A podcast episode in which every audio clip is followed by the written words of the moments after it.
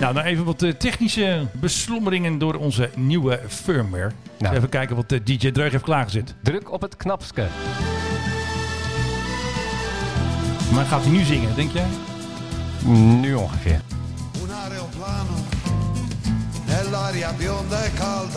Nou, je hebt weer een prachtige plaat meegenomen. En wie is dit dan? Paolo Conte. Nog live gezien. Het jaar zal zijn Wie heb jij niet live gezien? 1988 Carré. Ik was met een ex.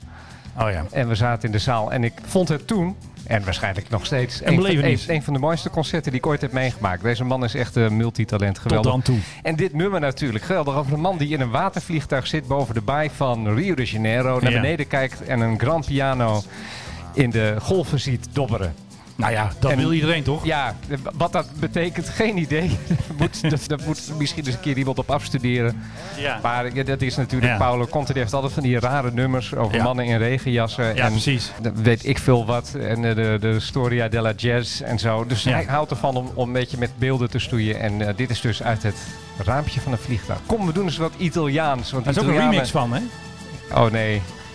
zeg dat het niet waar is. Ja, dat is ook een remix. Misschien monteer ik het hier nog wel even in. Alles is tegenwoordig een remix. Ja. Laat die boelers met rust. Nou, oké. Mensen. hey, dat was een mooie overgang. Fasten your seatbelts.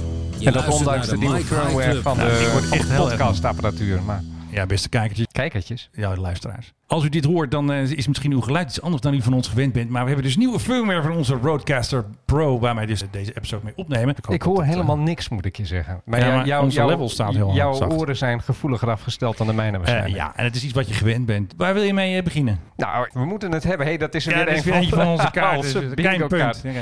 Ik denk dat we even moeten beginnen van iets van jou, dat ik dan nu even ga doen. Want normaal doen we altijd, hey, wat is de PHGOV? Ja. En dan begin jij van, nou, hij was in, eh, in Madrid en hij was in, eh, Ja. weet ik veel, in, in Parijs. En eh Ja. Stef Blok ging er mee. Maar Ja, het is toch heb, wat anders. Ik heb even iets over de oude PHGOV, namelijk de KBX. hey, wat is de PHKWX? En dan is het nu de hoogste tijd voor... Hé, hey, waar is de PHG? KWX. Nou, eh, Ja, en we hebben een gastpresentator van de, de- van de rubriek, eh, Philip Dreug. Nee, we, we hebben natuurlijk altijd eh, over ja, waar dat ding dan nu heen gaat. Maar Ja. vroeger hadden we de KBX, de Fokker. natuurlijk nationaal product voor de grote trots. Alleen het ding was niet vooruit te branden. En je kon er maar hele kleine hopjes mee doen. Ja.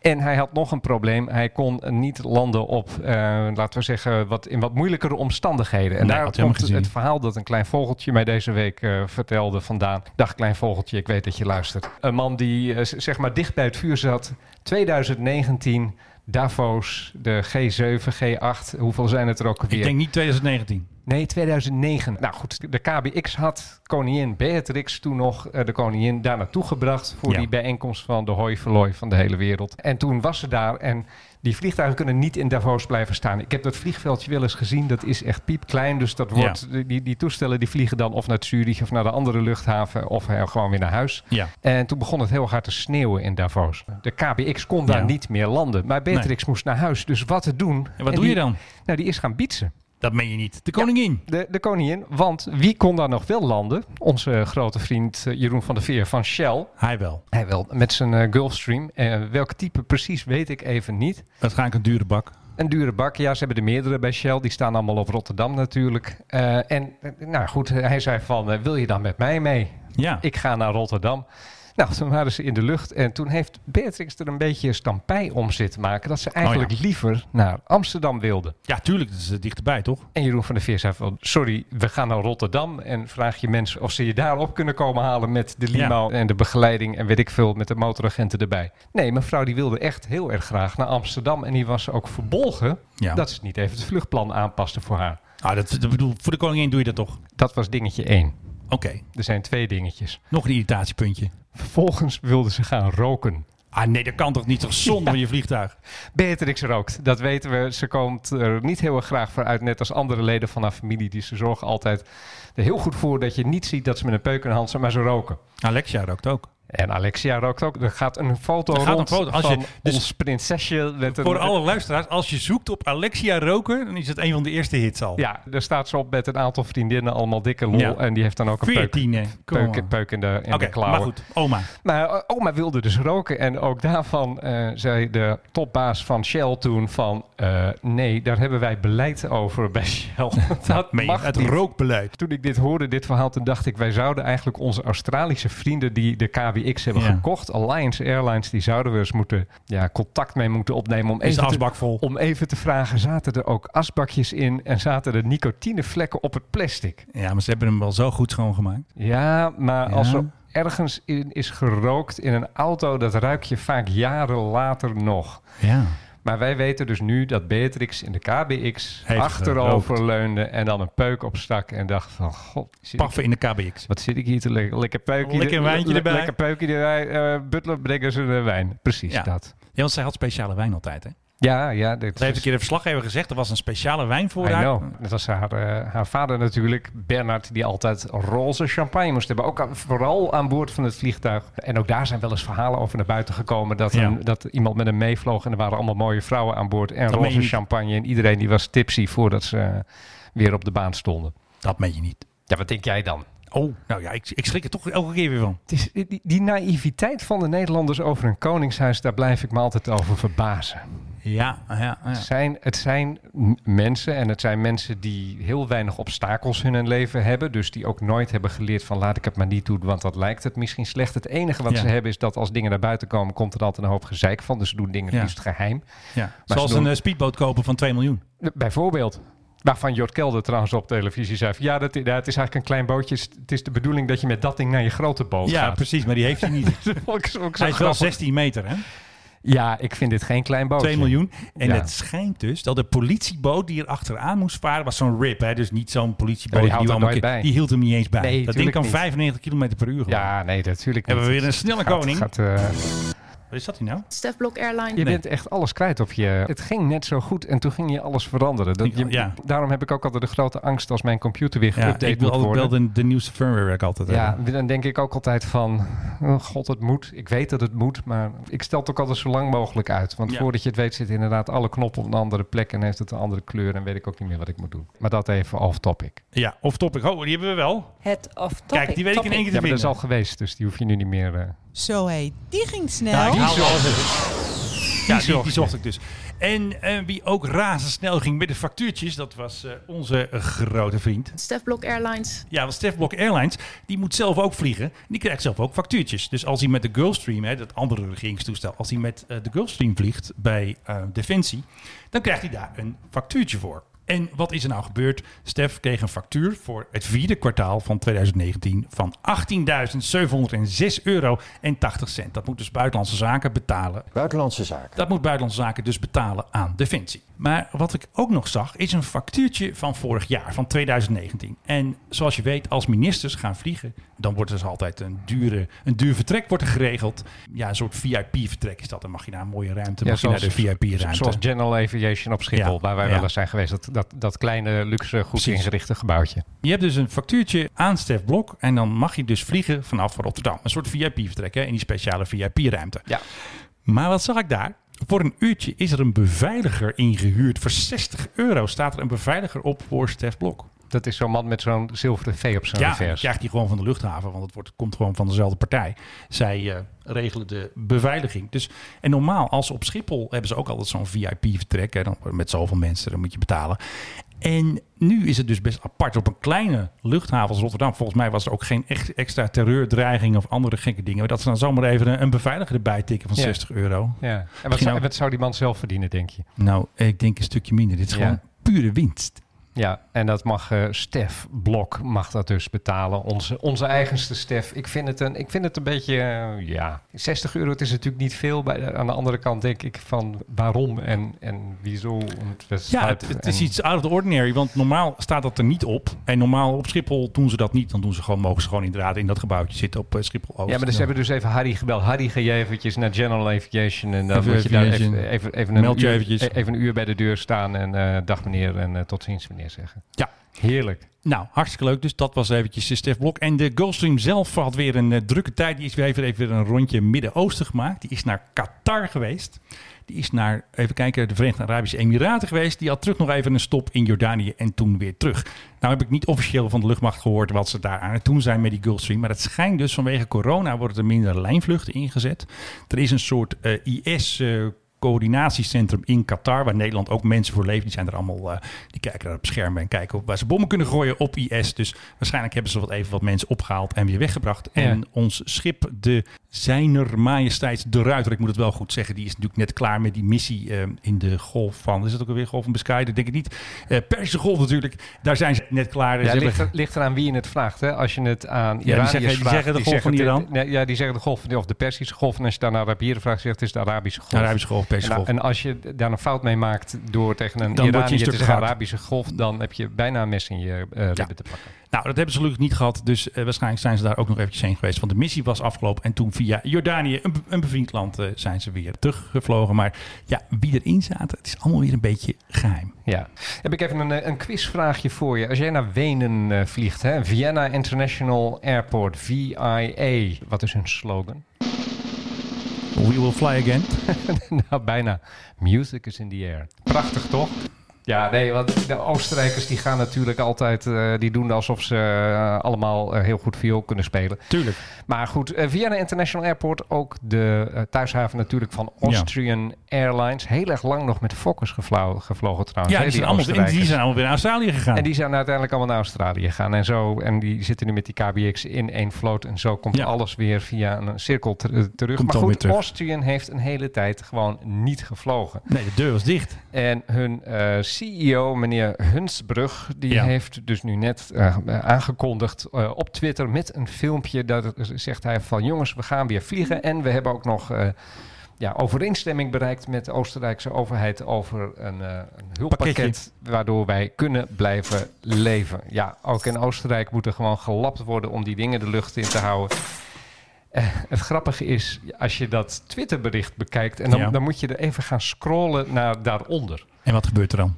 Daar staan alleen maar mensen die zeggen: Mijn flight is ge, eh, gecanceld. Ik krijg nog geld van je. Een beetje vouchergate. Alle, eh, de, de, de- een Oostenrijkse vouchergate, maar echt de een na de ander. Ik krijg nog 600 zoveel euro van jullie. Ik krijg nog 1700 euro. Ik krijg nog 3000 euro. Niet te doen. Eh, en iedereen die klaagt er ook over dat Austrian Airlines nu dan wel heel erg leuk met dat filmpje naar buiten komt, maar dat ze gewoon ook niet te bereiken zijn. Dat klinkt een beetje als KLM. Nou, dan vind ik dat KLM het nog redelijk goed doet. Oh ja, nou. Nou, ik geef toe. Ik, ik- Ik leg de, de balk hier wel heel erg laag. Maar bij KNM kon je tenminste nog iemand te spreken krijgen. Ja.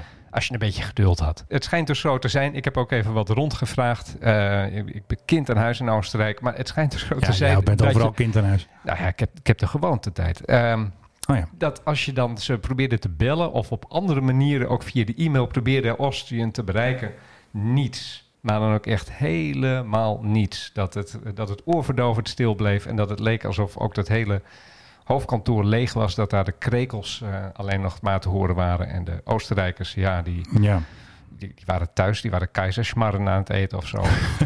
of, iets, of iets anders, en Mozartkugeln en eh, dat soort dingen. Ik ben benieuwd wat er gaat gebeuren met de naam van Austrian Airlines. En dat is iets, een, een thema dat we nu de laatste tijd eh, meer zien. Dat een heleboel van die maatschappijen, die zijn ook een goede naam echt een beetje te grabbel aan het gooien. Een beetje wel, hè? Er wordt heel veel geklaagd eh, over, over luchtvaartmaatschappijen. Omdat Ja. ze ja, gewoon eenvoudigweg niet thuisgeven. Dat, Ja, maar ze hebben geen geld.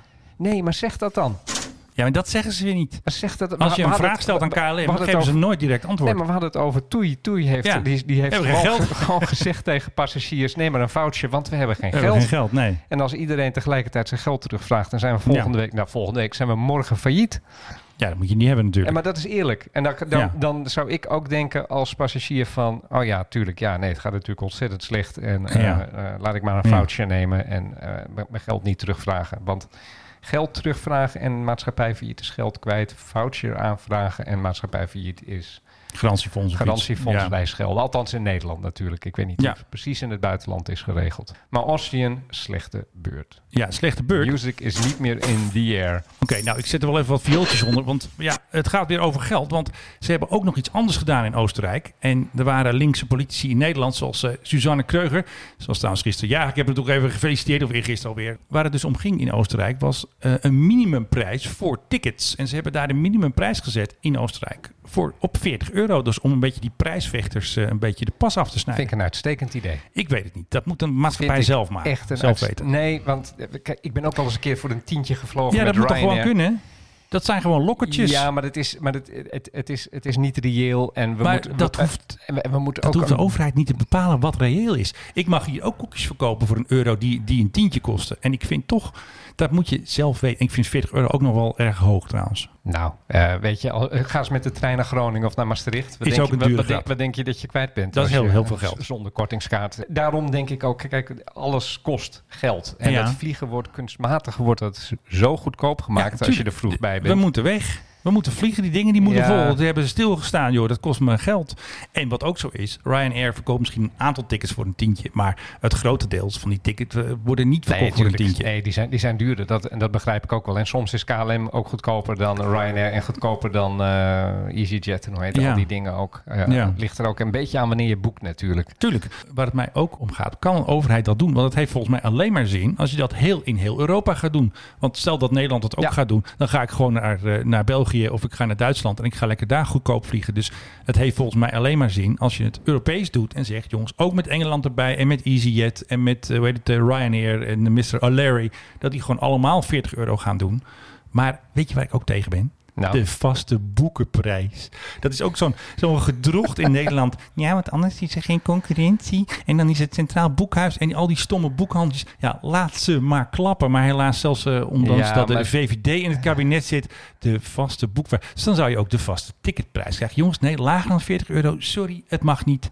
En dan kun je dus niet meer voor een tientje naar Malaga. Ja, ik weet het niet hoor. Het moet gewoon vrijheid, blijheid, zeker. Juist nu. Ik weet Ja, het niet. Ik ja. vind, je moet het zelf weten. En dat zijn Ah, maar... je hebt wel gelijk dat we dit internationaal moeten Ja, regelen. kan je het niet, je kan niet zeggen van de, van een land doet dat en, en de andere Ja. niet. Dat hebben we ook tijdelijk gehad. Die, die, die, die ticketbelasting, hoe heette dat ook alweer? Vliegtax. Vliegtax. Maar die is er ook nog steeds niet. Die willen ze Europees invoeren, want die is er niet nu. Ja, nee, maar het, het was zo'n onzin. Kijk, want dan betaal, dan, dan betaal je, eh, als je vanaf Maastricht vertrekt, betaal Ja. je het wel. En dan ga je 30 kilometer ve- verderop, ga je, nou, misschien wat meer, weet ik niet. Maar In in, ieder geval minder, minder dan een uurtje rijden, ga je vanuit Keulen en dan betaal je het niet. Dat is het hele raar. dat is dus inderdaad raar. Maar er zijn goed, Europese afspraken, ook over de accijnsen, ook Ja. over kerosine. Is niet eerlijk, ja, ten opzichte van wie. Ja. Als dat internationaal zo is afgesproken, dan moet internationaal afgesproken worden om daar belasting op te heffen. En, en dan niet als Nederlander, als een soort eilandje die te weer overal tussendoor. Ik word er een beetje moe van. Nee, dat is zo. Eh, er is nu natuurlijk wel die. eh, er worden allerlei voorwaarden gesteld aan die hulp. En dat is vooral Ja. dat er groener gevlogen moet gaan worden. Er was overigens een programma en dat heet Corsia. Ooit van gehoord? Ja, lijkt op, ja, ik lijkt ken op hem. Corsica, Ik ken hem, het ja, eiland. zeker. Maar nee, Corsia, dat Ja. is wat de Europese Unie had bedacht samen met Leuk de. IACO, geloof ik in ieder geval. Die grote overkoepelende organisaties van luchtvaartmaatschappijen. Dat eh, ze zouden vanaf, eh, ik geloof iets van 2024 moeten gaan compenseren voor hun uitstoot. Dus dan moet, Ja, je, eh, ja, dan ja. moet je van die carbon credits gaan kopen. Of je bomen planten. moet groener gaan vliegen. En iedereen Ja. zag al aankomen dat dat vooral zou gaan zijn op palmolie. Want dat schijnt het meest geschikt te zijn om in je vliegtuigmotoren te, te spuiten en daar, Ja. daarmee te, te vliegen. Alleen palmolie komt weer uit Maleisië en daar kappen ze dan het hele regenwoud voor. Of Indonesië. En dan zijn Ja. er gorilla's en de orang-oetangs die zijn weer de, aapjes. die, de pineut. Bovendien moeten dan ook nog naar Europa toe worden gebracht. En dat schijnt Ja. ook weer heel vervuilend te zijn. Want voor schepen zijn er ook geen emissierichtlijnen. dus iedereen was al heel erg tegen Corsia. Maar dat Corsia, dat wordt nu, doordat het slecht gaat in de luchtvaart, ook verder uitgekleed. En Ja. daar zijn dan Daar is allemaal niet iedereen blij mee. mensen uit de milieubeweging die net zo blij waren dat het, het was een imperfect Ja. plan. Maar dan is nu is het De links, helemaal geen plan meer. een tegenslag voor de linkse vrienden. Jongens, gewoon vol gas. We moeten vliegen, tickets kopen. Ik wil iedereen oproepen trouwens om een ticket te kopen. We moeten vliegen. Ja, We moeten echt vliegen, jongens. Het moet weer lopen. ik, ik weet, ik zit hier in een luchtvaartpodcast. Ik hou heel Ja. erg van luchtvaart. Daarom maak ik deze Heel podcast goed. ook. Ik reis graag. Ik vind het allemaal heel erg leuk. Maar Heb je weet al een ticket? Nou, weet je dat ik er tegenaan hik? Dat heeft waarschijnlijk met eh, de anderhalve meter te maken, denk ik dan Ja. in jouw geval. Als ik jou een beetje nee, ken. gewoon absoluut. Ik, je, je kent mijn standpunt. Eh, Ja. eh, de luchtvaart wordt groener, maar dat gaat komen door technische ontwikkelingen. Ja, zoals die tuurlijk. meneer in China die nu een elektrische straalmotor Precies. heeft bedacht met een magnetron erin. Ja, Dat moeten we hebben. Plasma. Dat is ook Ja, weer. nee, serieus plasma. De lucht, luchtverwarmen Ik luister ook met, naar onze met, podcast. met, ma- met de magnetron en dan als plasma uitstoten. ja. Geweldig. Waar was ik nou mee? Ik was er met een red. Nee, maar goed. ja dus, ik, doe, nee, het, doe gaat, ook het, gaat, het, gaat, het gaat om die anderhalve meter aan boord. Ook al omdat er eigenlijk, en dat hoorde ik eh, gisteren of eergisteren ook iemand weer op televisie zeggen, een wetenschapper, we weten eigenlijk nog niet wat Nee. een vol vliegtuig doet qua corona. Nee, dat weten we ook nog steeds niet. Dat is Nou, een beetje dan- van eh, dan- dan- gedogen. Een soort gedoogbeleid is het. Het is een beetje Nederlands. Ja, vind je het dan erg dat ik niet zo erop Ja. zit te springen om als Ja. proefkonijntje daar eh, te gaan dat snap ik ook wel. Ik zou ook, denk ik, nu... Ik, ik zei eerder van, ik zou zo weggaan. Misschien zeg ik nu zelf ook... dan moet het een noodzakelijke reis zijn... voor iets, iets belangrijks of, of iets heel leuks. Of, of, ja. Nou, ik weet, heb je die reportage gezien eh, hierover? Welke? Dat was volgens mij bij één vandaag, of, of hoe dat ook allemaal heet. ja, of een Nieuwsuur. Of, Ja, dat zou ook zo kunnen. Maar goed, interviewden ze mensen die Ja. net eh, aan boord gingen. Maar toen maakten ze even een opname aan boord van een 737 van Transavia. ja. Wat zit je daar dicht op elkaar? Ik heb in die kringen gezeten. Maar ja, maar dat is dus zo... ik, jongens, ik was het vergeten. nee, Dat is, nee, nee, maar dit is wat jij bent meer voor een privéjet, hè? Nou, nee, ook niet. Maar mijn hemel, wat Ja, maar proppen jongens, ze veel mensen in zo'n kunnen die tickets geen tientje worden natuurlijk. Nee, dat begrijp ik. 30 euro. Dus, dus daarom denk ik, misschien moeten we inderdaad ook eens nadenken over dat we geen tickets voor tientjes meer verkopen. Iets meer ruimte ook aan boord gaan creëren. Ja, nou. Zorgen dat we eh, wat veiliger kunnen vliegen. Niet alleen met corona nu, maar wie weet wat voor rare ziektes er eh, binnenkort uit de permafrost van Siberië tevoorschijn komen. Ik hoop het niet hoor. Ik ben Er er nou een keer dat- klaar mee. Daar zijn wetenschappers bang voor. Hè? Die zijn er tijdens de laatste, eh, de vroege middeleeuwen, de laatste warme periode, zijn die in de permafrost, zijn daar allerlei ziekteverwekkers Die komen weer kijken. opgeslagen. En die komen nu het ontdooid en die komen dan weer vrij. Dus daar zijn ze heel bang voor builenpest en dat soort, dat soort dingen. Dus misschien moeten we ietsje Ja. de boel anders gaan inrichten. Aha. Nou. Een crisis is ook altijd een kans, hè? Ja, maar dan willen sommige mensen er een reset van maken. We moeten ook gewoon door, jongens. Die spullen staan er, de mensen zijn er. Want we hadden ook nog het nieuws van eh, Emirates. Hadden we natuurlijk ook gezien. Ja. Dat was natuurlijk best wel een grote slag. Hoeveel piloot ook weer? 600. Zo. En dat is best een slagpartij. Ja. En toen heb ik dus ook gehoord, kijk, KLM gaat blijkbaar nog niemand echt ontslaan. Er zitten wat mensen op deeltijd en hebben, nou ja, goed, eh, wat minder eh, salaris. Maar ik vrees dat er toch ook nog iets anders gaat komen hoor, bij KLM. Ik hoor dat, ze, dat iedereen er daarvan uitgaat dat ze het met deeltijd WW gaan ja, redden. bedrijven als Emirates, die hakten gewoon, ja, die, die grijpen gewoon zo in. Zo werkt dat daar. Die hebben geen Wopke Hoekstra, die hebben een andere soort Hoekstra. Die eh, heeft een bijl in zijn hand in plaats van een filiermes. Ja. Maar ja, ik ben toch bang dat er hier in Europa dat soort dingen, we zien het nu nog niet. Hè, want we hebben ook weer gezien, hè, er was weer een brandbrief. Ik heb nog geen brandbriefgeluidje, moet ik eigenlijk wel hebben. Want ja, 85 miljard hè, wordt er nu weer gezegd hè, door onze favoriete IATA, die elke dag een mail stuurt van het verlies voor de gecombineerde luchtvaart wereldwijd is nu 85 miljard. Ja. Dus daar staat de teller nu op. En dat is natuurlijk weer even een brandbrief waard. Maar ik denk dat er nog grotere klappen gaan vallen. En misschien ook wel met onze blauwe hart, blauwe vogel. eh, dat het daar Ja. ook misschien toch nog ergens een correctie gaat plaatsvinden. Van jongens, Nou het ja, kan niet anders. Je, je weet dat de Kamer nu heeft gezegd tegen, ik neem aan dat het Rob Koers- Hoekstra is geweest, dat hij moet gaan onderzoeken of die KLM uit het conglomeraat met Air France kan halen. Ja, als soort huiswerk. Dat hebben ze al eerder gezegd, toch? Ja, maar dat, neem me niet kwalijk, maar dat vind ik nog wel eventjes eh, een, grote stap. Ik ben er helemaal voor overigens. Ik heb die hele samenwerking met de Fransen nooit gesnapt en hij was misschien ooit eventjes nodig, maar nu ondertussen al lang niet meer. En ook daarvoor kan je zeggen, dit is een prachtige gelegenheid. Gooi het huwelijk aan stukken. Het is toch geen liefde. Ik zeg Gerard. Nou, nog met een rotgang dat Air France eruit tieven en dan komt het helemaal goed met de KLM. Gerard, misschien ook wel. Gerard en ik, hè? Ja, nee. Gerard was dus, had dus gelijk. Gerard zei laatst en ik belde Gerard. Ik zeg, Gerard, god. Ja, Hij eh, had het al eh, door. ja, nou ja, toen de fusie daar was, toen eh, ben ik ook ooit nog eens een keer op televisie geweest en heb allemaal hele redelijke dingen over de Fransen mogen zeggen. Dus ik zag het toen al, dat wil ik je maar zeggen. Jij was de eerste. Nou ja, ik heb er gewoon niet zo'n niet zo'n fiducie in dat zo'n internationale samenwerking ooit kan werken, Het gaat tenzij, altijd weer mis. Tenzij met een volk waar je cultureel erg op lijkt. Ja, Maar zelfs dan hoor, ik bedoel, zelfs een samenwerking tussen Nederlanders en Zweden bijvoorbeeld is al Ja. heel erg lastig. nee, nee, klopt. Maar je, hebt ook weer gezien, ik ga weer het geldgeluidje even instarten. Die Fransen hadden, we hebben nu 15 miljard gaan ze dus in, in de luchtvaart kieperen. Dus niet alleen voor Air France KLM, ook nog een keer voor Airbus.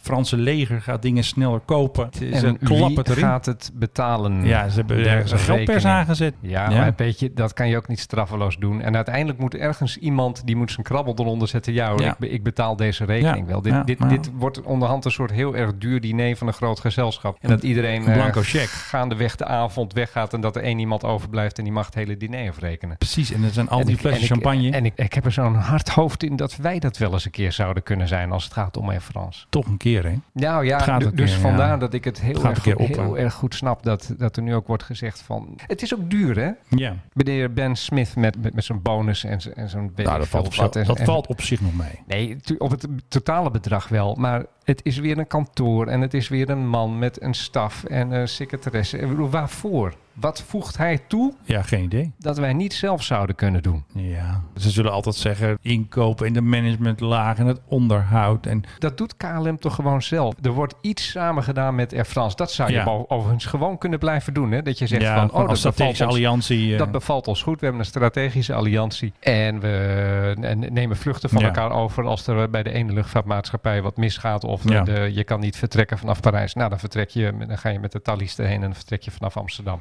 Fantastisch. Maar Ja. waarom daar dan een meneer in een kantoor moet zitten die heel veel geld kost? Ja. On- Ontgaat mij een beetje. ik weet het ook niet. hey, we hadden zaterdag natuurlijk hadden we Rutte. Ik ben geen eh, Frits Bom hier. Nee, Frits Bom. Maar Frits Bom was natuurlijk de vakantieman.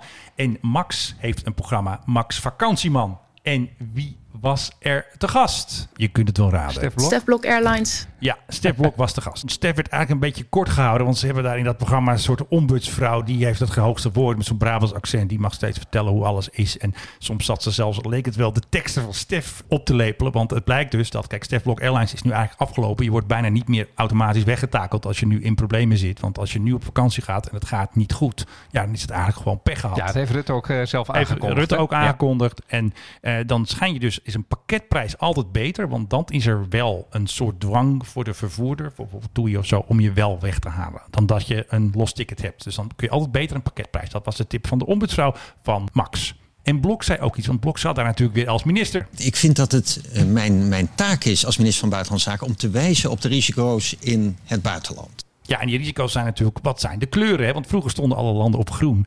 Ja, die kleur groen, die zie je niet meer. Nee, het is, die nog- is- die is geen verdwenen. enkel land is groen. Sommige landen zijn rood, zoals Libië. Dan moet je vooral even een gratis tipje. Je niet op vakantie gaan naar Libië. En eh, de andere is natuurlijk, staat natuurlijk het meeste op geel. En dat kan natuurlijk veranderen. Maar ehm, het gaat er dus om, Stef gaat je niet meer automatisch wegtakelen. Wanneer staat de volgende vlucht gepland? Nou, er zijn vluchten gepland vanuit Panama. En dat is dus geen officiële Stef Blok vlucht. Maar de ambassade roept natuurlijk wel mensen op van... nou ja, goed, wil je weg uit Panama? KLM gaat vliegen. Je kan dat gewoon zelf boeken via de site van KLM. Als je uit Panama weg wilt, dan, eh, Ja, ja, dan kan dat. Maar Stef, Stef Blok Airlines is eigenlijk ter ziele, zouden we kunnen zeggen. Eigenlijk wel. Een Johannesburg vlucht was nog een oproep. Die heb ik ook nog eventjes eh, doorgeplaatst. Kon tenminste nog even drie uur een ticket kopen bij eh, Stef. Ik denk dat Marokko nog steeds niet helemaal klaar is. Denk ik. Hmm, Ja, want daar zitten nog steeds allemaal mensen die... Misschien nog een paar honderd. Misschien moest nog één keer. Maar die zijn dan toch... Ja, die, hebben daar ook kinderen gekregen. Die rijden al Ja, brommer. ja, die, eh, ja, zo ongeveer. Ja, die zijn in ieder er al geval al maanden. twee keer naar de kapper geweest. Ja, dat denk ik wel. Ja, want anders wordt het natuurlijk. Eh, dan moet je met een hersenschaar. De barbier zal het zijn in, in, in, in Marokko. Ja, want ze willen natuurlijk allemaal naar huis. Hè. Iedereen wil gewoon naar huis. En ja, dus in Panama zitten er ook nog een heleboel. Misschien zijn die wel op dat, eh, hoe heet dat ook alweer? Dat festival? Oh, de, de, de Gathering. The Gathering. The Gathering. Ja, nou ja, en we hebben daar gewoon een ambassade in Panama. Ja. We hebben daar hebben in Nou, in- 150 landen. Hallo, in Panama vind ik dat wel logisch. Hoezo? Nou, dan heb je dat kanaal en zo, dus dan moet je, daar, daar, daar- daar gebeurt wel eens wat. Dat kan één poppetje doen vanuit Mexico City hoor. Hoppakee. Ja, zit Zo. ook weer wat in. Ik heb, ik heb het hele principe achter ambas- ambassades nooit. Ik vind het bijna iets 19e eeuwse ambassades. Ja, in 150 landen hebben we een kantoor en staan. wat doen die mensen de hele dag Vooral heel druk bezig zijn. met elkaar? Ja, dat natuurlijk. Ja. Ik bedoel, pompt rond. Het is een hele winkel. Overleggen en Nou ja. eh, vergaderen en taskforce. Overleggen met en- eh Kagen. En zitten ze allemaal lekker te videobellen met die dure bakken van... eh, Man, ja, ik zie het allemaal wel. een van de goede dingen die Ja. uit de Europese Unie zou kunnen komen. Ik bedoel, mensen zijn heel kritisch op de Europese Unie. En terecht, denk ik. Want als ik naar meneer Timmermans kijk, dan denk ik ook van... Hmm. Maar goed, een van de Ja. dingen die je zou kunnen doen... gewoon één ambassade voor de hele Europese Unie. Ja, want toen ik klein was, dacht ik dat altijd. Dat in Amsterdam één gebouw stond. Waar alle landen dus in zaten. Allemaal een is- kamertje dat is toch- hadden. Dat is toch een fantastisch idee? dat dat Ja, is maar- niet zo. Ze hebben allemaal een mooi gebouw. En er is altijd nog een ambassade. En altijd de woning van de ambassadeur. Dit is ook een soort Ja. diplomatiek gebied. Daar doen ze ook al wel besprekingen. Nee, maar in New Delhi bijvoorbeeld, dan heb je daar de Nederlandse ambassade en de Duitse en de Ja, Italiaanse allemaal. En en, de. Franse. En die mensen die, die, die borrelen dan waarschijnlijk ook allemaal met elkaar constant. En Ja. lunchen met elkaar. Daar moet gewoon toch één iemand zitten. We- we- we- Desnoods Giuseppe uit Italië. En die, ik, je weet, ik ben een grote Italië-fan sinds kort. Ja, ik heb Giuseppe uit, Giuseppe uit Italië, die dan daar zit en gewoon Ja. voor de hele Europese Unie. En op het moment dat je je Regelt pas- even wat paspoort zaakjes. kwijt bent, dan eh, haalt hij uit de 3D-printer haalt hij een Nederlands paspoort. En als je een Spanjaard bent en je paspoort, dan haalt hij er een Spaans Ja, paspoort. één Dat- Europees paspoort zou ook dat best moet goed toch, zijn. Dat moet toch mogelijk, ja, een soort laissez-passer of weet ik veel wat. Ja, snel naar huis. Dat zou toch best wel een besparingsmogelijkheid zijn in deze toch dure tijd. Gratis tip van de Mike High Club. Ja, al gratis tip. even- eh, Stef, we kunnen nog Oh, weer centen sparen. kunnen nog wel wat centen sparen, want het is allemaal al duur genoeg. Heb- Hebben we het geheime hoekje? Ja, ik heb hem ergens staan. Wacht even. Dames en heren, mag ik uw aandacht voor een nieuwe rubriek? Het geheime hoekje. Goed, hè, die drone, hè? Ik vind dit werkelijk een briljante. Doe nog eens. Het geheime hoekje. Ja, iemand heeft dat dus ingesproken en heb ik er dus een drone onder gezet. En dan klinkt het ongeveer zo. Het klinkt Ja. als een soort geheim agent die eh, Ik- ik niet helemaal hem- meer zit zitten. Ja. Het geheime hoekje. Omdat we natuurlijk de vorige keer met dictators hadden we die eh, naar de vrijheid vluchten. Ja, nou ja, luchtvaart heeft natuurlijk ook altijd iets geheimzinnigs in zich. Eh, Ja, zeker. Het is niet, zijn niet allemaal EasyJet vluchten Helaas. naar Barcelona met een schoolklas vol vervelende pubers. Er worden ook dingen door de lucht vervoerd waar wij allemaal niet zo van mogen weten. Wapens. Wapens bijvoorbeeld. Eh, en er zijn een aantal mensen, en dat zijn ook vrienden van de show geworden, mensen die dat toch volgen via allerlei apparatuur. Die hebben dan een grote antenne op het dak en die, Grote en die, radioantenne. Bekijken, en die bekijken dan hoe er allerlei geheimzinnige vluchten worden uitgevoerd. En de meeste geheimzinnigheid tegenwoordig vindt plaats boven de Middellandse Zee, wij Altijd. kunnen zeggen. Bijna altijd. Heel veel vluchten nu naar Libië. Ja. Uit Turkije heel veel. eh, Qatar. Uit, uit Qatar, maar ook uit Syrië. Daar zou je zeggen, hebben die niet genoeg problemen van zichzelf? Het antwoord is nee. Die moeten zich ook bemoeien met het conflict in Libië. En, en dan de ene helft van de landen die steunt de opstandelingen. De andere helft die steunt de echte regering. Ja. En daar vliegen dus allerlei ja, geheimzinnige toestellen naartoe... met eh, tijdens de vlucht wisselende vluchtnummers bijvoorbeeld. Ja, of even een andere code. Of die landen dan op een luchthaven bij Istanbul. En eh, dan zie je ze landen, maar dan staat er op de app van de luchthaven staat niet van... hé, hey, er is Nee. een vlucht geland. Die wordt Nee, er dan heel handig even vanaf gehaald. Maar er is afgelopen week zijn er een paar ja, best wel interessante vluchten geweest. Venezuela naar Iran. Vertel. En terug. Ja, nou dat vroeg ik mij dus ook af. Wat moet dat? Dadels. Zou je misschien denken, maar het antwoord is toch nee. Waarom Kijk? Venezuela is natuurlijk een puinhoop van ongekende omvang. Schurkenstaat. Schurkenstaat, daar zit, een, daar zit een president die werkelijk alle regels aan zijn laars lapt. Eh, het land zou een van de rijkste landen ter wereld kunnen zijn. Ze hebben trouwens hele mooie vrouwen, maar dat terzijde. Hoe weet je Eh, dat? Ja, die winnen ook altijd de Miss World. Dat is wel zo, ja. Heel Ze hebben- vaak. Ze liggen goed in de markt. Ja, het zal wel wat zijn. Een combinatie van Spaans bloed en Indiaans, weet ik veel. Ga- Goeie mix, Gaan we het goeie hier mix. niet over hebben? Nee, nee, nee, nee. nee dat is... Het of topic. Topic. Nee, dit is wel topic. Oh ja, oh ja. De Venezolanen hebben geld nodig. En ze hebben vooral nodig dat hun olieindustrie, de enige bron van buitenlandse inkomsten die ze nog hebben, een beetje blijft Ja. lopen. ja. Wie kunnen daarvoor zorgen? Dat zijn de Iraniërs. Maar de Iraniërs doen natuurlijk niet dingen voor niets. Nee, die moet ook weer geld hebben Dus natuurlijk. wat vliegt er op het ogenblik boven de Middellandse Zee? Vliegtuigen met goud. Gewoon puur goud. Ik heb foto's gezien. Je lacht je te barsten als het niet zo triest zou zijn. Gewoon van die broodjes. Over die heerlijke Zo- stukjes goud. Zoals je je voor kunt stellen bij de Nederlandse bank in de Ja, kelder. Of die ik weet niet grote, waar dat tegen- kluis. tegenwoordig Nee, die kluis is verhuisd geloof ik. Ja, die, die, die staat tegenwoordig ergens anders. Ehm, van, die, ja, van, die, van, die, van die broodjes. Ik kan er niks anders van maken. Zo'n langwerpige vorm en dan zo'n beetje taps toelopend naar boven. Goud op pallets. Venezuela naar Iran. Voor de terugweg krijgen ze eh, specialisten mee die die, Ja. die die oliebronnen verder aan de gang houden. En, en, en misschien wordt de olie dan ook wel weer via slinkse wegen. Want er zijn natuurlijk allerlei sancties van, van toepassing op Venezuela. Dus misschien helpt Iran ze daar ook Ja. en in ruil daarvoor. Ja. Gewoon snoeihard goud. Gewoon echt goud. Als dat niet een geheim hoekje is, dan weet ik het ook even niet meer. Puur goud. Puur Nou, goud. Hartstikke leuk. Of ze hebben gewoon lood met een, met een beetje goudverf geschilderd. En die Iraniërs die komen er binnenkort achter van... eh, nou, gaan we toch eens even kijken wat we uit Venezuela hebben gehad. En die proberen er dan munten van te slaan. En dat lukt dan weer niet. Het was een beetje een eh, rampweek voor de luchtmacht. Ik heb niet echt een luchtvaart... eh, Anders doe je toch gewoon je pan, pan, pan gelijk.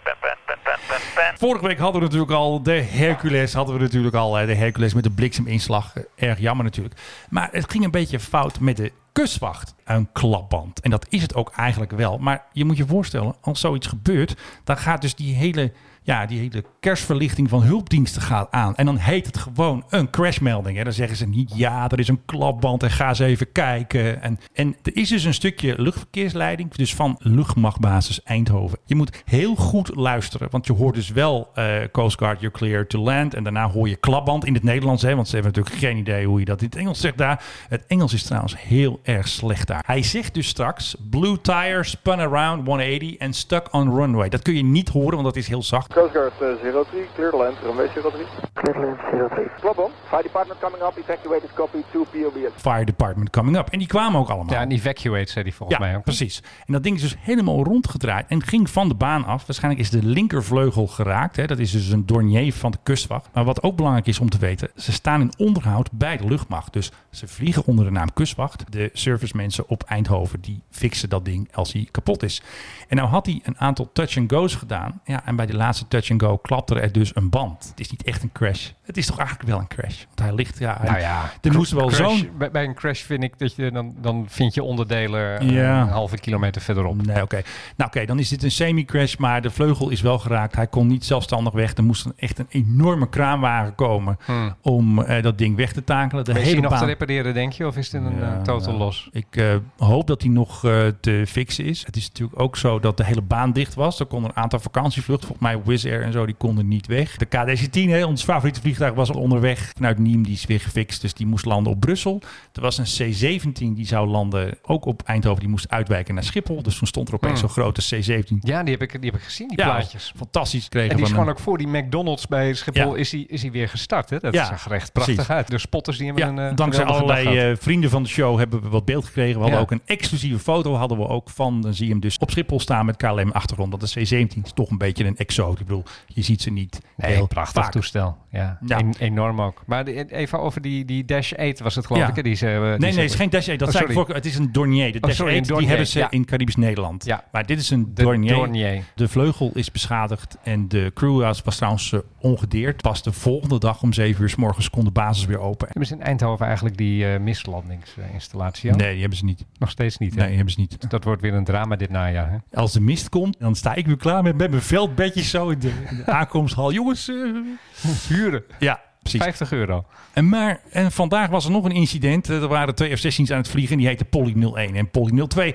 En met een van de Polly's ging het mis. Waarschijnlijk was er een eh, bird strike. Dus eh, dat denkt men. Dat is nog niet bevestigd. En toen is een van de Polly's is geland. En noemen ze een voorzorgslanding op Schiphol. En het was best wel een mooi gezicht. Want hij landde dus met zo'n landingsparachute. Dus om eventjes een kortere remweg te hebben. Dramatisch. En wat ook bijzonder was, door zo'n pushback truck werd hij naar Schiphol-Oost eh, getakeld. En daar stond hij dus, of staat hij dus tussen de zakenjets. Hè, die staan daar natuurlijk allemaal. En nu staat er zomaar een F-16.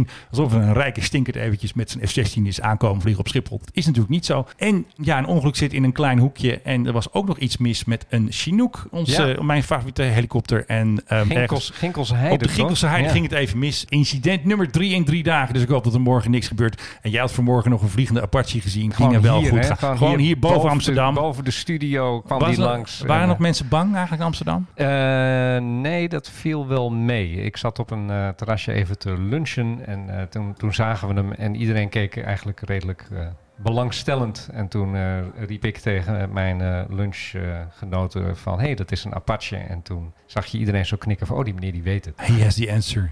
He is the eh, one. Nee, hoor, ik zeg, dat is een aanvalshelikopter en die zou dit hele terras weg kunnen blazen als hij zou willen. Met zijn 30 mm Ja. kanon. Dat, Nog een paar leuke raketten dat, eraan. dat, dat maakt ook alweer indruk. Maar Ik hoorde een overgangetje. Want Oh, in. Amerika hebben ze weer een leuk filmpje gemaakt. Want daar heb je dus een eh, F-35 demo team. En er is dus een vrouwelijke piloot. En die mag dan even uitleggen wat voor stunts ze aan het doen is. Maar wat ik dus grappig vind en waarom ik dit ook laat horen. Ze hebben hem een beetje hard afgemixt. Dus ehm, nou, volgens mij hebben we hem ook een beetje hard afgemixt. Want ik kan die vrachtwagen gewoon horen. Ja, Eh, ze- onze ze- ze zijn- ze zijn hier bezig, Ja, met zijn hier het, bezig met eh, verbouwen. Captain Beowulf die vertelt over een eh, Cuban A-roll. Zo, hartstikke leuk. Today we're going to be talking about the half cube. First maneuver we do during a high shore routine. Ik versta er echt helemaal niks van. Show the Lekker hard afgemixt door maneuver- je. Ik denk dat DJ Dreuken eh, afgemixt heeft. Ik ben onschuldig, ik weet van helemaal niks. Ja, nou, hij is dus vrij hard afgemixt. En waarom ik dit dus eigenlijk... ja, ik denk van, nou, waarom speelt hij dit nou? Het gaat erom, wanneer mag je nou namen van piloten bekendmaken? Want het is altijd een beetje dubbel. In Amerika doen ze dat dus gewoon. Dit is gewoon een stuntvlieger of die zit bij het demo-team. Gewoon voornaam, achternaam. Wij hadden namelijk een paar foto's op eh, Twitter gezet van ja, Nederlandse militairen die onderweg waren naar de Airbus-fabriek om te oefenen op de nieuwe MRTT-tanker. En dan zag je ze dus aan boord van de Gulfstream. En dan kon je dus gewoon lezen op hun uniform hoe ze heten. En toen waren er mensen die hadden daar vragen over gesteld. Zo van, ja, kan dat wel? Want vaak eh, doen ze met F-16... eh, Hoe kwam aan die foto's eigenlijk? ja, die heb ik gewoon van het account van eh, MRTT, van A330, Nou, van het in, dat, in, in dat geval is het antwoord ja, dat kan. Als zij dat, Dat doen. kan ook, want dat is wel grappig. Zij hadden dat meteen gelezen dus. Want zij reageerden meteen en zeiden van ja, want we hebben aan iedereen toestemming gevraagd. Want vaak is het zo met F-16-vliegers, dan doen ze alleen hun codenaam. Hè? Hun Jethro of Bomber of nou in het Nederlands zullen ze wel iets andere namen hebben. Maar er is vaak een policy om dus geen vliegers te noemen. Ik ken er eentje die heet Cake. Cake, ja, want Cake Walk, Walk in the Park. Of, Nee, eh, hij heet, hij heet Van Deventer. David de Koek. Kijk, Hello. Ja, maar het blijkt dus maar weer dat het dus niet één uniforme policy is. Want sommige piloten wel weer met name toen naam anderen weer niet. Toen ze nog in Afghanistan vlogen waren ze ook, of boven Irak waren ze ook altijd een beetje bang met voornaam achternaam. Dus dat vond ik wel weer een beetje opvallend. En er werd weer een heerlijke blunder gemaakt. En ik ga weer even heel snel door naar een vliegdekschip. Er was dus iets met corona op een vliegdekschip. En wat deden nu.nl en ehm RTL Nieuws? Die noemde iedereen aan boord mariniers. Want als je bij de marine werkt, dan ben je automatisch mariniers. Jongens, dat klopt dus niet. Ik had meteen even een grapje gemaakt. Meteen gezegd, jongens, ik wil gratis een workshop bij jullie geven. Om te zeggen, wat is nou een marinier en wat niet. Later hadden ze het allemaal aangepast. En nu.nl zei nog, Ja. ja, dankjewel voor je aanbod. Maar het is, er gaat dan ook nog weer een alarm af. Ja, dat is, dat, echt- dat is niet hier, want wij, dit is onze alarm trouwens. Wij zijn echt van de bijgeluiden. Nu.nl en zo, eh, ze maken wel vaker eh, fouten. Heb je dat Ja. bericht gezien deze week van een of andere zanger die dan een, een, een concert ging geven in een vliegtuig zodat er 500 mensen bij aanwezig Oh ja, konden dat zijn? was ook nog een blund. Daar trapte de NOS trapte daar ook daar, in. is, daar is de hele wereld in getrapt. Ja. Maar ik, ik, ik, ik weet nog dat ik het bericht langs zag komen. Ik las het en toen stond erin van ja, die, die 747 Ja. die staat bij Alkmaar. In een loods. Bij mij gaat dan onmiddellijk aan van, Ja. ja, maar, ja inderdaad, waar dan? Ja, waar staat dat Hoe? ding? Hoe kan dat nou? Hoe krijg je een 747 in Alkmaar? Er is niet dat je erheen kan vliegen of zo. Dus dan zou die er over de weg heen moeten zijn Met gegaan. eh, zonder vleugels en dan vleugels er weer Zonder op. vleugels. Als je een transport. 747 wil ergens neer wil zetten in een loods, heb je een behoorlijk grote loods nodig. Ja, Dat honderden moet, meters. Ja, dat moet je onmiddellijk opvallen. Dus Ik- hangar in Schiphol, daar past hij net in. ja, nou ja, die zijn, die zijn ervoor gemaakt. Maar dat zijn inderdaad... Hij moet ook hoog zijn, want de staart moet er natuurlijk ook in. Dus er zijn Ja. allemaal beperkingen dat, dat ik denk van... een 747 in Alkmaar, maar, maar hoe en waar? En, en dat valt mij dan eens op met de nieuwe generatie journalisten. Ja, dit nemen ze gewoon over, joh. Die denken, oh ja, dat is leuk. Dat is, want de zanger, ik weet niet eens hoe die Ja. zanger heet. Ik kende die hele zanger het ook niet, van die bands die ik dan niet meer ken. En, Nee, precies. Maar die zitten dan allemaal heel erg van, oh, een nieuwtje. En, oh, en dan, oh, wat stom. En Jesse Ja. Klaver, die ging het ook gelijk retweeten. Heb je dat gezien? Oh, hij ook? Ja, daar snap ja, niks nee, van. die, die denkt ook van, ja, dit, dit toont aan hoe krom de regels zijn. De regels, Ja. de regels zijn krom, daar ben ik eh, overigens helemaal met hem eens. Maar Mm. de, de regels zijn krom. Kom Ja. op, kom op. Eh, ik ben Frits Bom niet. Nee, maar de regels zijn krom. Er zijn, er zijn hele gekke... Ik Ja, bedoel, dus alleen, internationaal, jongens. alleen al het feit dat als wij weer koffie een- gaan drinken bij Ja. Anne en Max... Dat, Ja. dat we 15 vragen in moeten vullen... Ja. en allemaal op keurige tafeltjes op anderhalve meter van elkaar... en dat Dit je dat niet. vervolgens, als er een demonstratie is in. Amsterdam... dan, dan mag dat gewoon. Ja. Dus de, de regels zijn krom. Er, ga, er gaan dingen gaan nu ook mis. En eh, het feit dat je in een touringcar maar met een paar mensen mag zitten... Oh maar ja, heb je ook nog. in een vergelijkbare situatie in een vliegtuig... en dan zegt ze, ja, want er zijn HEPA-filters in Ja, vliegtuig. die zijn hartstikke goed. Die zijn 99,98 of 0. Ja, maar die doen er niks tegen dat als je naast iemand zit met corona en die, eh, Ja, en die, ademt, en die ademt uit. Ja, maar goed, maar dat, Extra mondkapje. ja, maar dat weet je niet. Extra mondkapje. Ja, dan moet jij dus ook een extra mondkapje. Ja, hoe- nou, huppakee. en, en overigens heb ik daar wel een ideetje over. Oh, Je ja. weet toch dat eh, in vliegtuigen als de zuurstof wegvalt, de, de luchtdruk, Ja, ja, ja. dan komt er zo'n ding naar beneden. Ja? Kunnen we daar niet gewoon permanent mee gaan vliegen? Ja, nee, dat is veel, veel te duur. We moeten allemaal die zuurstof, eh, Nee, allemaal die, aparte die, die tanks. dingen hangen er toch al. Jawel, maar... En dan sluit je, en dan sluit je Oh. dus het zuurstofsysteem sluit je aan op die, op die kapjes. Oh, oh ja. En dat iedereen heeft gewoon zijn eigen zuurstofvoorziening. Oh, Zodat, ja. zodat je- Ongefilterd. Of gefilterd. kan Ge- natuurlijk. gefilterd. Ja, nee, technisch moet dit volgens mij best haalbaar zijn. Het zal niet Ja. heel erg comfortabel zijn, want ik heb wel eens zo'n ding op mijn snuit gehad. Het is een nogal Ja. hard plastic randje, maar goed. Daar kan je misschien ook wel weer wat aan doen. En dan heeft Ja. gewoon ieder zijn eigen zuurstofvoorziening.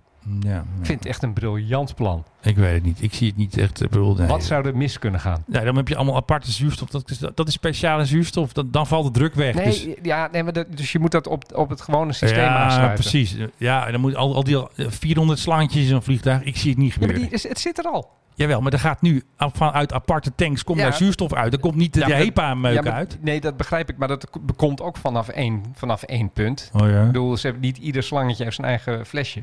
Nee, dat klopt. Voor zover ik weet. Nee, dat Laat ik hier ook vooral niet pretenderen dat ik precies weet hoe dat systeem Ja, werkt. maar, jawel. Maar goed, je, je moet volgens mij eens een dwarsverbinding kunnen Ja. maken vanaf de, het punt waar die dan eh, door het HEPA-filter gaat. En dan gewoon op, dat, op die mondkapjes. En dan gewoon Nou ja. zo'n heel toestel. Een vriend van mij heeft ooit in het eh, toestel van Vietnam Airlines gezeten. Ja. Daar, hingen al die dingen hingen ook naar beneden toen hij aan boord kwam. Gewoon standaard al. Dus het ging niet meer dicht. waren waarschijnlijk tijdens de vlucht heen waren die naar beneden gekomen. Ja, ze hadden net als Ze, moest, ze moesten terug en zo- zullen we die kapjes weer opbergen? Van, ja, ja, laat toch hangen. Dus hij kwam aan boord en al die dingen die hingen al. Dat is overigens in de tijd dat we Koen nog met een lange oe schreven. En eh, Ja, met, hout- met, houten guldens betaalde. En het was dus ook nog in een Tupolev. Maar Ja, toch, Ik vind het een heel leuk idee, maar ik zie het, ik zie het niet als, eh, ik snap eh, niet dat, eh, dat, dat, levensvatbaar. ik snap niet dat de luchtvaartwereld mijn brieën niet ziet en dit gewoon onmiddellijk invoert. Nou jongens, bij deze wil ik iedereen oproepen om steun dreugen en eh, kijk naar zijn idee. ja, ik Ze weet zullen niet. het maar eens gaan doen. En dan kunnen wij zeggen, hé, hey, dat was wel in die podcast. Maar wat ik dus leuker vind, er was een ehm, vliegveld in Turkije. Daar gingen ze gewoon een DJ op de startbaan zetten. Kijk, dat vind ik nou leuk. Ja. Nou, daar komt hij hoor. Dus het is een beetje DJ Turbulence. Die staat dan gewoon voor een vliegtuig. En dan staan er allemaal mensen met rook. En Hmm. het scoort wel zo'n filmpje, want iedereen vindt dat leuk. Ik heb nog één nieuwtje voor je dat ik echt wel grappig vind. Nou, eh, ik heb geen lachband, maar eh, ik ga al klaarstaan met... eh, In Amerika waren ze bezig met een, Ja. een hypersonische raket. Die hangt dan onder een B-52. En dit Mag willen ze- 6. Nou, dat weet ik niet of het mag 6 gaat, maar het is eh, hypersonisch. Dus het gaat wel eh, als de brandweer, zullen we maar zeggen. Ja. En eh, ja, dat, dat ding dat moet natuurlijk getest worden. Dus Ja. hij, hij hing onder, dat, onder die B-52. Die heeft losgelaten. Oh, Die is gewoon gevallen. Als een baksteen. gewoon een foutje. En niet, niet al te hypersonisch. Het is in het kader van de Defense Advanced Research Projects Agency. Is dat DARPA? DARPA. DARPA, je kennen we. Ja, en eh, die eh, hebben dus een, een incident gehad, zoals dat zo mooi, eh, zo, Ja. zo mooi heet. En eh, nou ja, goed, er is natuurlijk allerlei media in Amerika zo bovenop gedoken. Waar Ja. is het ding terechtgekomen? Waar is mijn- Waren de doden? Wat heeft het gekost? Classified is het enige antwoord dat iedereen terugkrijgt. Het is een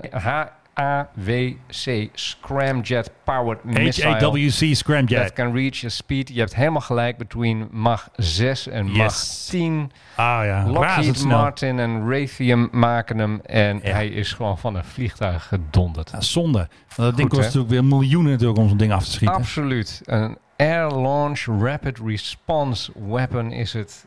Vind dit zulke mooie termen Ja, daar allemaal. hebben ze altijd zo mooi, Je ziet die mensen allemaal dat we dat proberen te verzinnen. Hoe gaan we Ja. dat nou weer noemen? Het is nu een priority of the United States military. Ja. Want eh, ze zien dat anderen, en dat met name de Russen, die hebben er ook een, zo'n ding. Dat heet Ja.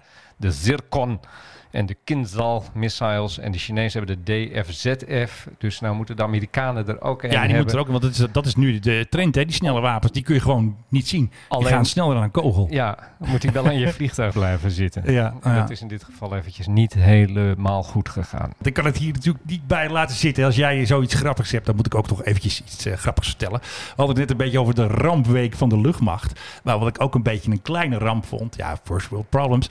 Eindelijk na twee weken mogen we de beelden zien dat de KDC-10 tanker, de B-1B, eh, de Amerikaanse strategische bomwerper, ging bijtanken. Ik had al aan de luchtmacht gevraagd, nou wanneer mogen we het filmpje zien?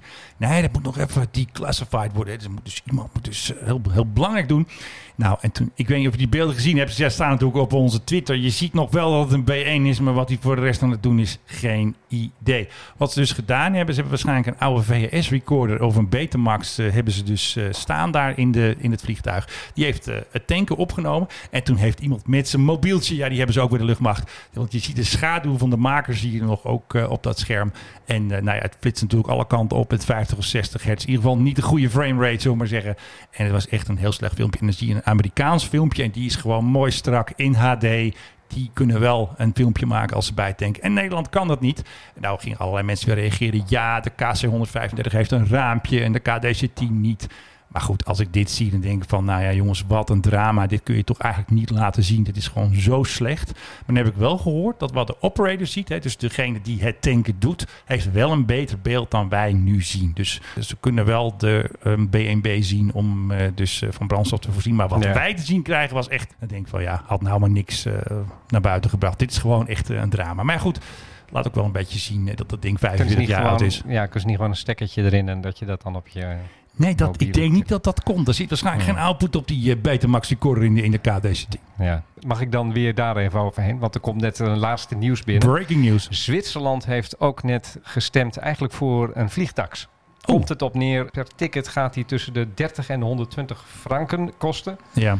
Eh, 120 frank is eh, 111 euro. Ja. En dat moet je dus gaan betalen als passagier. Ja. Dat geld komt in een pot. Die Ja. pot die moet eh, waarschijnlijk tegen de 500 miljoen euro per jaar gaan bedragen. En daaruit komt geld beschikbaar voor vliegtuigmaatschappijen die het willen gebruiken om hun vloot te vergroenen. Oké. Ja. Dus we zien daadwerkelijk dat er nu overal concrete maatregelen genomen worden. Maar op nationaal niveau. Hoeveel geld was dit nou? 11? Nee? Tot 111 euro. Laten we zeggen 110. Per, Die ene, per ene ticket. euro. Ja, dat- en die 110 zal wel zijn als je naar eh, Nieuw-Zeeland vliegt. Ja, dan is het, Maar het begint, het, begint, het begint dus bij 30, het begint bij 30 frank. Dus, Dat- dat is de- eh, dat is het laagste. Van 27 euro, dat is de laagste. Oh ja. Dus inderdaad krijg je dan ook vliegtickets die, eh, ja, die behoorlijk wat duurder gaan worden. Want het Nederlandse vliegtax, dat proberen ze ook nog steeds. Dat ging volgens mij over 7 euro per ticket. Want dat is Ja. helemaal niks. Dit zijn stevige bedragen. Ik zit dan onmiddellijk te denken als je met EasyJet vliegt naar Genève, wat ik vaak doe. Ja. Ik heb wat vrienden in de omgeving daar. Ja. Eh, dan, dat vliegveld heeft een ingang aan de Zwitserse kant en aan de Franse kant. Oké. En ik ga er altijd aan de Zwitserse kant uit, net als Tuurlijk. 99 of 95 procent van de bevolking. Maar je kan er ook aan de Franse kant uit. Dan moet Ja. het toestel moet even aan het einde van de baan een andere aftakking nemen. Ja. Zou het dan de moeite waard worden om, eh, Ik denk het wel. om de terminal aan de andere kant Ja. van de grens te Dat gaan bouwen? centen. Want hij ligt daadwerkelijk op de grens, hè, Ja. die, dat, dat vliegveld. Als je maar niet in Zwitserland zit, want die Als je maar niet in Zwitserland zit, Die is hartstikke duur. Krijg je dat weer. Ja. Nou, nog eentje dan. Nee, Ja. echt? Toch wel leuk. Een Belg is dat. De, die is de president van de ASL-groep. Die heeft allemaal van die eh Embraers eh, vliegtuigen. En die denkt van, nou, ik ga gewoon mijn eigen lijndienst beginnen. Dus hij gaat in juli gaat hij vliegen met die privéjets. zijn dus wat grotere privéjets. Dus niet zo'n Falcon van John de Mol, maar gewoon met wat meer stoelen. En dan biedt hij dus aan dat je voor 495 euro kun je naar Ibiza. En dan krijg je een luxe snack en champagne. En dan vlieg je dus voor 495 euro, ik weet niet of er vliegtax op zit, dan vlieg je dus naar Ibiza met een ja, privéjet. En dan zit je dus ruim en dan zit je op anderhalve meter en dan heb je dus Ja. eh, Maar ik beetje, wil heb je meer beenruimte. Maar ik wil helemaal niet naar Ibiza. Nou, ja, jammer dan, want dit is de Vliegt eerste. hij niet ergens anders heen? Nog niet, maar... Dit is alleen maar met van die party people die dan... Ja, eh, maar het is toch wel leuk. Kijk, het is al leuk om dat te roepen. Lijndienst met privéjet. Dat is natuurlijk... Daarmee pak je iedereen toch? Met die Ja. snacks en champagne. Ja, Ja. naar Ibiza. Ja, ik, ik wil dat volk niet weten wat daar aan boord zit. Maar En- dat, dat, ik ben daar misschien iets te gevoelig voor gebouwd. Dus dit is dus vanaf eh, Brussel, of vanaf in ieder geval vanuit België. En eh, het zou natuurlijk ook leuk zijn als dat ook een keer vanuit Nederland gebeurt. Ja, vraag het aan je grote vriend John de Mol. Nou, ik denk niet dat hij zijn toestel daarvoor beschikbaar gaat stellen. Nee. dit, dit zijn toch wat grotere jets. Dan eh. moet je de, moet je de kauwgom onder, eh, onder je stoel vandaan gaan peuteren als die mensen eruit zijn. Nou, eh, ja, een beetje een rommelige uitzending. Want eh, ja, jij hebt je koptelefoon al afgezet. Hoor je mij nog dan? Ja, nee, want ik, nou, ja, ik hoor je live en direct. niet, niet meer via de koptelefoon. Nee. Nee, maar dat ding is warm, hè? Het ding het is warm. Het is hier Ja. redelijk benauwd. Ja, en nou, ik dacht, ik we hadden af. wat technische problemen. Ik hoop dat we de volgende keer weer op onze goede level zitten. Daar ga ik dus eventjes tijd aan besteden. Dit was de 40ste episode van de Mike High Club. Luister naar ons en ik hoop dat u zich allemaal abonneert via alle apps. We zitten op alle apps, ook op YouTube. Ik luister via Spotify tegenwoordig. Gaat ook ontzettend goed. Dus ik zou zeggen, tot de volgende keer. Dit was de Mike High Club. We hope you enjoyed flying with us. Je kunt je natuurlijk ook abonneren via de Apple Podcast app, Spotify of de Google Play Music app. Dank voor het luisteren en tot de volgende podcast bij de Mike High Club. Torna nel mondo dal bel colore guaio. Trovami il fiume di gennaio.